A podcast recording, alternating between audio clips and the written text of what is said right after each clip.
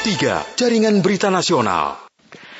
Sesaat lagi kami akan ajak Anda untuk menyimak dialog layanan kesehatan COVID-19 ya, kerjasama Fakultas Kedokteran Universitas Indonesia dan Radio Republik Indonesia, di mana untuk uh, hari ini ya pendengar kita akan membahas ini tentang diabetes mellitus dan juga komplikasi jantung. Nanti kita akan berbincang dengan Dr. Ika Prasetya Wijaya, spesialis penyakit dalam Departemen Ilmu Penyakit Dalam eh, Fakultas Kedokteran Universitas Indonesia.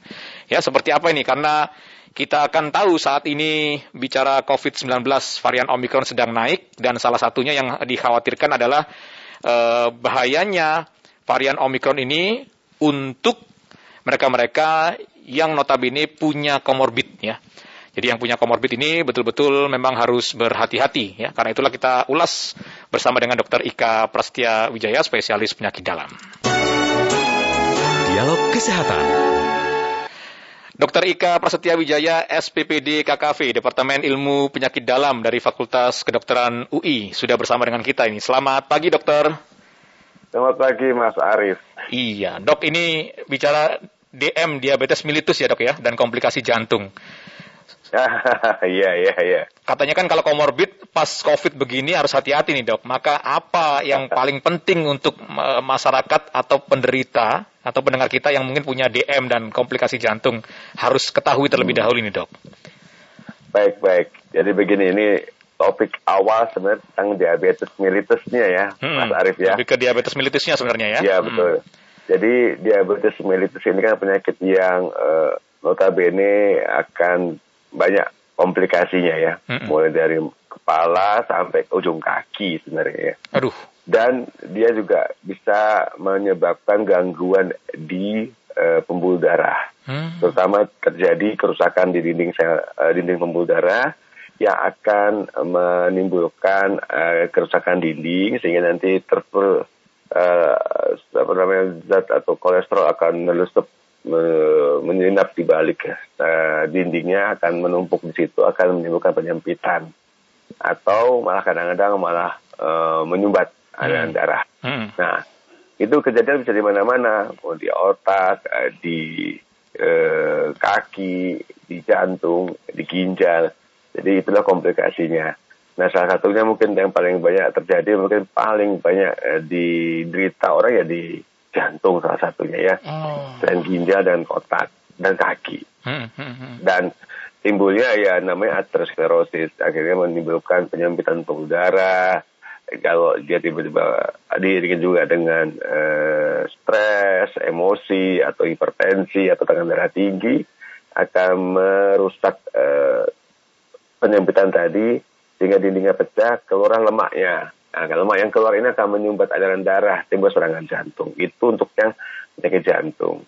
Artinya serangan jantung untuk penyakit yang jantung koroner ya, jantung hmm. koroner. Hmm, hmm, hmm. Nah, gula darah gula darah pun sebenarnya juga dapat merusak otot jantungnya sendiri untuk uh, Mas Arif dengan cara khusus, dengan cara yang lain, dengan metabolisme metabolisme yang berbeda dengan tadi dia akan merusak uh, dinding dinding uh, pembuluh darah. Hmm Enggak, dinding pembuluh bukan ini sekarang nggak beda lagi. Oh. Pembuluh sudah selesai.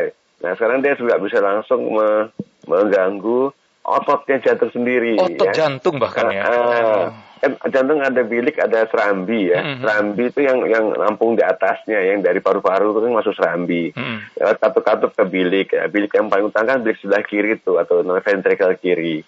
Nah dia kadang juga cukup mengganggu ototnya sehingga ototnya nanti akan mengalami gangguan namanya kardiomiopati.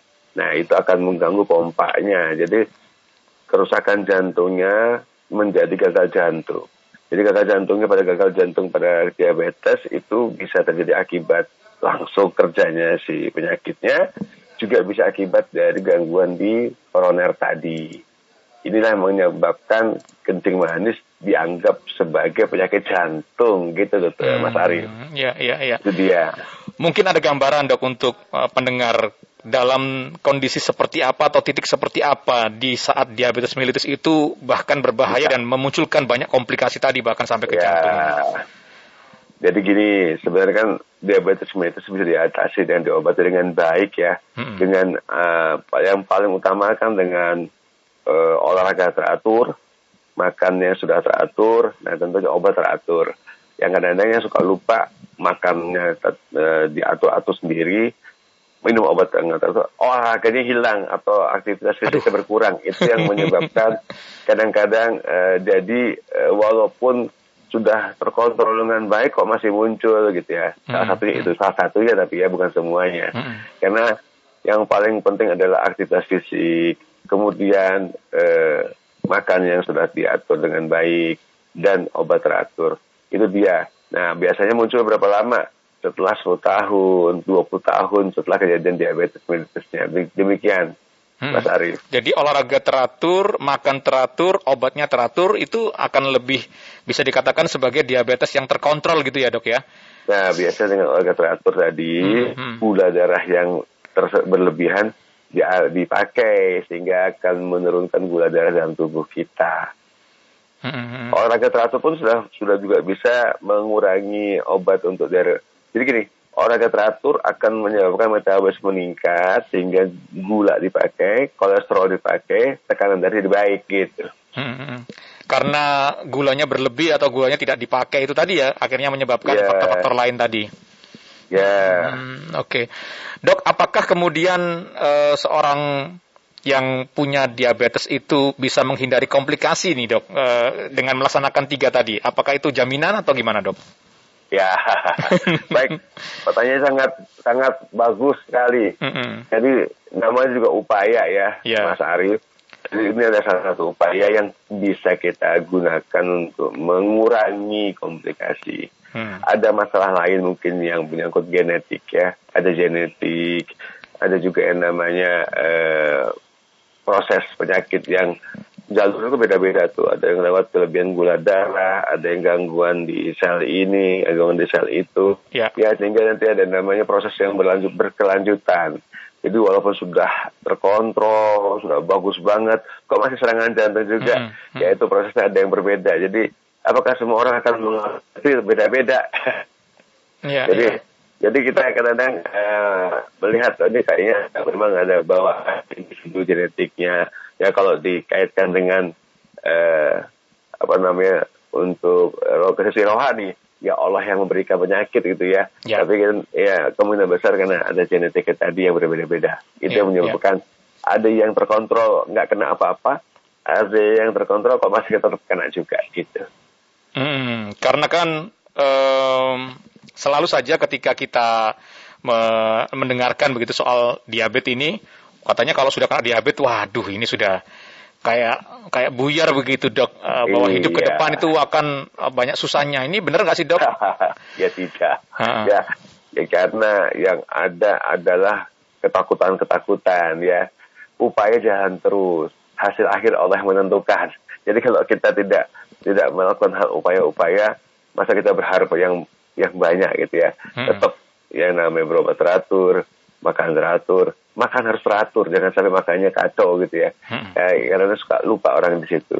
Dan terakhir ada olahraga teratur.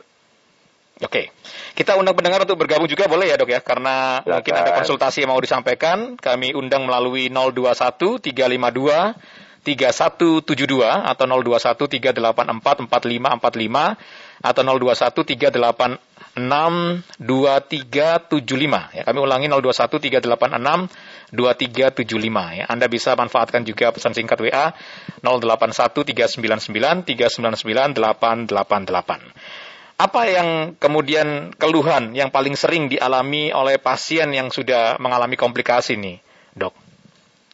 Eh, kalau jantung biasanya nyeri dada ya, atau cepat capek, atau uh, biasanya paling banyak adalah sesak napas, nggak kuat lagi meng, me, beraktivitas seperti biasa. Biasa gitu ada jadi makanya dengan olahraga teratur, uh, Mas Arief, kita bisa menilai kemampuan fisik kita menurun apa tidak. Hmm. Yang sering terjadi karena tidak ada aktivitas fisik, penyakitnya sudah ketahuan berat sekali gitu. Nah, hmm. Nah, sedangkan kalau kita bisa biasa melakukan aktivitas fisik, contoh naik tangga satu atau dua lantai saja, selama masih kuat satu lantai itu jantungnya masih bagus biasanya. Hmm. Tetapi kalau udah satu lantai aja udah ngos-ngosan, berhenti sebentar, nah itu ada masalah. Itu dia cara me, me, me, apa, mengukur kemampuan fisik secara ringan, mudah. Tapi ya. sayangnya kita kadang jarang ngerjakannya gitu. Ya, ya, ya. Oke. Untung ini tempat tinggal saya lantainya empat ini dok. Jadi ya, tiap hari naik turun empat. nah, selama masih bisa sampai lantai empat, itu masih bagus. Tapi suatu saat kalau misalnya sampai lantai tiga nggak kuat lagi, ah siap-siap untuk kecek jantungnya. Oh, oke okay, baik. Kita ke Pak Wibi dulu di Makassar. Selamat pagi Silakan. Pak Wibi. Ya, selamat siang. Hmm, Pak Wibi, selamat pagi waktu Indonesia Barat. Silakan Pak Wibi.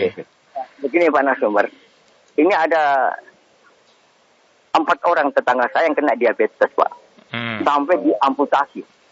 Ya. Hmm mungkin sudah begitu parah dia diamputasi kakinya. Tetapi toh akhirnya meninggal juga. Mm-hmm. Eh, kemudian juga ada yang sakit jantung. Kepang katanya kalau sakit jantung tidak tidak tidak bisa mendengarkan suara-suara keras. Dia meninggal karena mendengarkan suara keras itu klakson mobil yang sangat keras suaranya akhirnya dia pingsan. Apa itu apa itu betul Pak? Terima kasih. Terima kasih. Oh, terima kasih banyak. Pak Wibi. Monggo langsung tanggapannya, Dok. Ya, terima kasih Pak Wibi. Pertanyaan bagus banget ini ya. Mm -hmm. Jadi untuk yang pertama soal kaki. Jadi tadi saya bilang tadi pembuluh darah kakinya akan terganggu pada penyakit diabetes ya, Pak Mas Arief ya, mm -hmm. untuk Pak Wibi.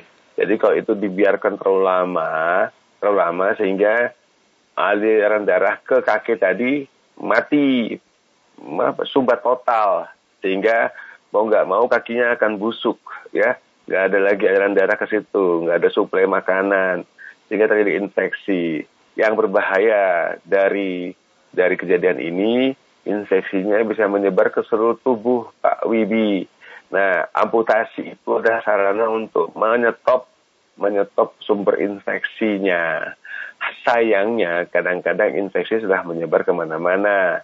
Nah, pada kondisi seperti ini, apalagi pembuluh darah kaki sudah rusak, biasanya juga menggambarkan pembuluh darah di di tempat lain juga terganggu ya. Sehingga uh, kita harus menangani dengan dengan sangat sangat cepat atau terapi yang cepat. Antibiotik yang wajib yang paling bagus yang paling yang paling top markotop gitu Mas Arief ya. Hmm. dengan harapan infeksi bisa diatasi. Namun kadang-kadang itu nggak bisa dilakukan dengan cepat. Tapi kenapa? Mungkin fungsi ginjalnya terganggu sudah atau gangguan yang lain dari yang lain-lainnya hingga kondisinya makin terburuk. Itu hmm. dia tadi yang mungkin yang pertama. Hmm. Untuk yang kedua, yang sakit jantung karena DM, yaitu sakit jantung karena DM kan bisa tadi gagal jantung muncul langsung karena penyakit jantung apa penyakit jantung ototnya atau dari pembuluh darahnya yang timbul mungkin namanya penyakit jantung koroner. Apakah orang akan mati dengan Tidaklah Pak, bukan itu masalahnya ya. Hmm, hmm. Jadi orang sakit jantung itu kan jangan di, bukan bukan identik dengan orang yang kaget. yeah. Orang kaget itu kan karena masalah psikologis ya itu soal lain. Orang sakit jantung kadang-kadang dikaget pun nggak akan mati sebenarnya. Ya. Hmm. Hanya memang beliau itu tidak boleh mengalami kejadian misalnya takikardi, jantung lebih cepat mendadak, kondisi apa misalnya kaki kesal, mangkel, hmm. sesak nafas, infeksi dan lain sebagainya. Nah, hal itulah yang kadang-kadang tidak terpikirkan. Memang kita selalu terpengaruh dengan sakit jantung. Kalau dengan suara kaget mati, tidak. Mungkin pada saat itu dia sedang-sedang dia menenangkan diri, tiba-tiba timbul jantung yang cepat sekali, obat-obat diminum dan sebagainya. Jadi munculnya mendadak seperti itu. Ya. Biasanya peraih jantung yang akan meninggal mendadak itu akibat gagal jantung yang lama, ya yang mungkin akan menimbulkan gangguan irama jantung kondisinya. Demikian, Mas Ari. Ya.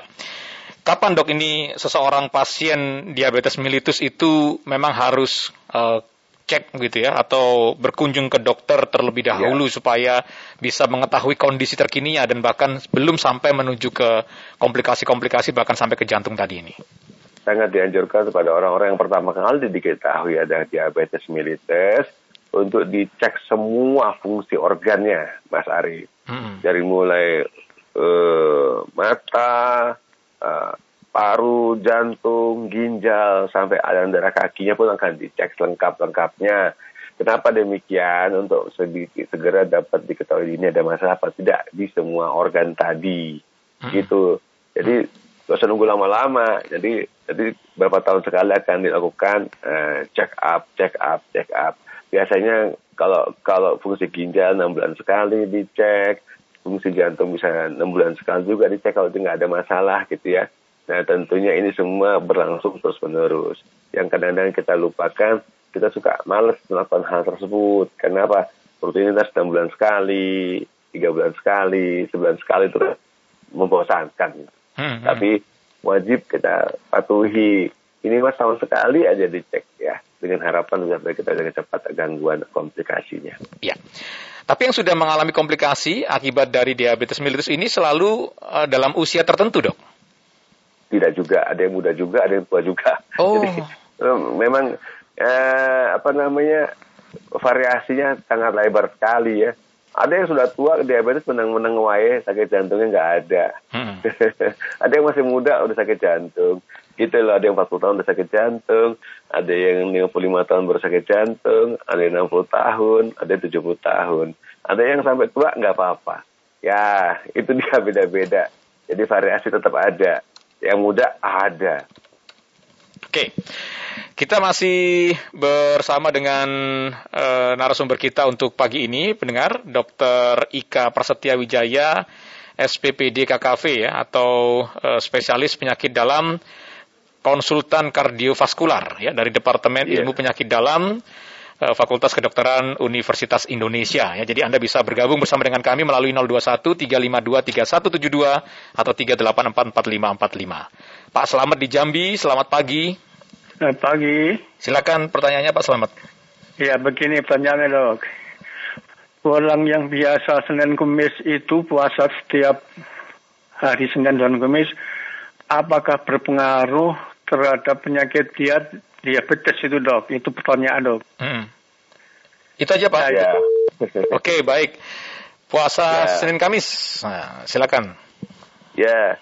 Bagus, Pak sama Wibi. Eh, Pak, Pak Selamat di Jambi. Pak Selamat ya, Pak Selamat di Jambi. Wah ini enak. Kalau tadi Pak Wibi di Makassar mungkin uh, Palu bahasa ya. Ini kalau di Jambi biasanya makan kempek-empeknya enak di Jambi.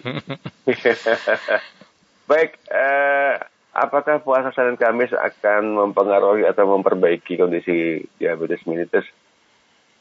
Semua upaya yang akan merestriksi jumlah kalori yang masuk dalam tubuh kita itu bisa mengurangi resiko uh, terutama sudah dia sudah puasa tetap aktivitas fisik ya ini hmm. akan me, apa namanya mengurangi resiko kejadian uh, diabetes mellitus hanya yang harus kita perhatikan jangan sampai puasa yang bagus-bagus tadi sampai jam pas waktu berbukanya berantakan karena makan saat berbukanya berlebihan. Hmm. Itu mungkin yang pesan saya buat Pak Selamat. Jadi makannya jangan berlebihan pas buka puasanya. Yeah. Ya, kadang-kadang kita lupa di situ gitu. Hmm. Padahal sudah bagus tuh dengan puasa Senin Kamisnya. Begitu. Yeah. Kenapa dengan mengurangi restriksi kalori bisa memperbaiki hal-hal lain di dalam pankreas kita. Oke, tadi dokter mengatakan upaya untuk kestabilan atau terkontrolnya itu dengan obat, kemudian makan teratur dan olahraga teratur. Nah ini bentuk makan teratur dan olahraga teraturnya ini mungkin bisa ada contoh dok yang oh, ya. biasanya dilakukan seperti apa? Baik, olahraga teratur itu biasanya adalah olahraga uh, jalan kaki pagi, yang paling gampang ya, jalan kaki pagi setengah jam sehari. Setengah jam sehari. Eh, mm -hmm. Ya jaraknya kalau bisa 3 km minimal ya minimal 3 km ya, minimal ya. ya. Jadi kalau bisa itu maksimal mungkin 3 km maksimal kali ya.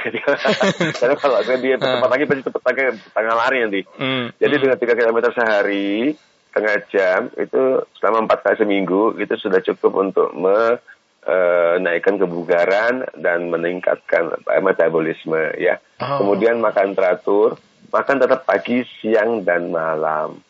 Tapi nanti kalau memang lapar di tengah-tengahnya ada namanya uh, makan yang kita kenal ada yang nama tiga porsi besar, tiga porsi kecil buat penyakit diabetes ya.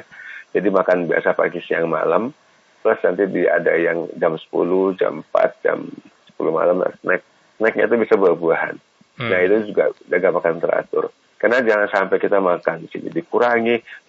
Bukan itu yang kita harapkan. Kita bukan mengurangi makanan, tapi kalorinya yang masuk dalam tubuh kita itu tepat ukurannya. Ingat kalori ya, kalori. Yang kita suka lupakan kita nggak belajar soal kalorinya. Kita tahunya kurangin nasi, kurangin ini, kurangin itu, bukan itu yang penting. Hmm, hmm, kalori, sama yeah. jenis kalorinya bagaimana. Itu gimana dok? Lemak. Hmm. Ah, belajar. Pemahaman kalorinya. ah, itu ada. Kan kalau kita buka beli makanan, Mas Arief beli beli apa misalnya? Ah, pasti ada kandungan uh, kalorinya berapa gitu kan? Ah, ya, ah. Indomie aja yang yang katanya aneh-aneh itu kan, okay. makanan kata nggak sehat itu. Padahal yeah. sih ya, kalau lagi lapar ya sehat juga gitu kan. lagi lapar ya. yeah, Jadi yeah. kalau Indomie kan 80 kalori itu sekitar uh, satu kom bungkusnya. Yeah. Dan nasi nasi yang anda pampatkan kayak di masakan Padang satu mangkok kecil itu, hmm. ya, ya itu biasanya 225 kal kilokalori gitu loh. Ha itu.